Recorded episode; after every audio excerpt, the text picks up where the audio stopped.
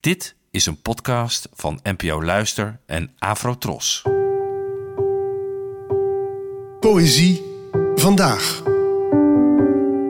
Met Ellen Dekwits.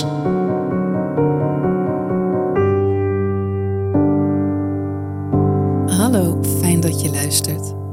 Het gedicht van vandaag heet Mythen en stoplichten en werd geschreven door de Nederlandse dichteres Alara Adilo, geboren in 1988. Mythen en stoplichten. Het lichaam, gehuld in tijdelijkheden, wordt najaagd door een ziel in een donkere zaal gevuld met kabaal van een verleden. In de verte wieken zwaluwen over bergtoppen. Er klotst een beek langs koele, groene stroken. Er zit geen dak op deze herberg. Ik wring mijn hart uit.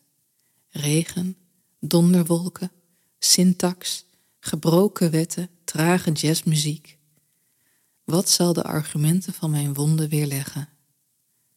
Dwalend door die lange straat, met al die gezichten, alle kostuums die ik droeg, de mannen aan wie ik valse namen gaf en de vrouwen waartegen ik loog uit schaamte. Er is geen vuur in poëzie. Ik heb er lang naar gezocht, gezocht naar vuur en hamers. Ik vond enkel weerspiegelingen in troebelheid. Daar kun je geen vestiging van scheppen.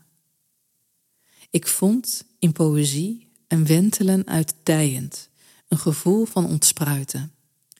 Alsof ik een gewas was in taal. Alsof ik meer was dan een kist, vol vertogen, opgeborgen in een lichaam. Wat is een lichaam? In dit gedicht is het meer dan een verzameling organen, bloedvaten en hormonen. Het wordt opgejaagd door het verleden en zit chockvol cultuur. Als in dit vers het hart bijvoorbeeld wordt uitgewrongen, komt er geen bloed naar buiten, maar syntaxis, jazzmuziek en gebroken wetten. Sporen van beschavingen die losstaan van het lijf, maar haar wel beïnvloeden. En we zijn als mensen gewend om onze lichamen te behangen met betekenis. Dat zie je in de hele genderdiscussie, maar ook in dit vers. Het is soms een onmogelijke opgave om met woorden iets te beginnen tegen alle gewenste en ongewenste connotaties die in de loop der jaren aan je fysieke vorm zijn gaan kleven. Zelfs de poëzie, zo staat er in dit gedicht, helpt niet, biedt geen vuur geen kans om het lijf mee te herscheppen zoals een smid met zijn hamer onbuigbaar metaal omsmeet. De poëzie kan alleen maar in kaart brengen hoe de verhalen die wij en anderen over onszelf vertellen, ons zowel in positieve als in negatieve zin vormen.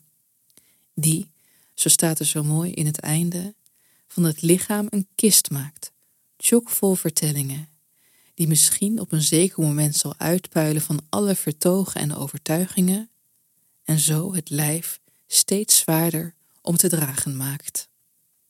Bedankt voor het luisteren en tot de volgende keer. Afro Tros, de omroep voor ons.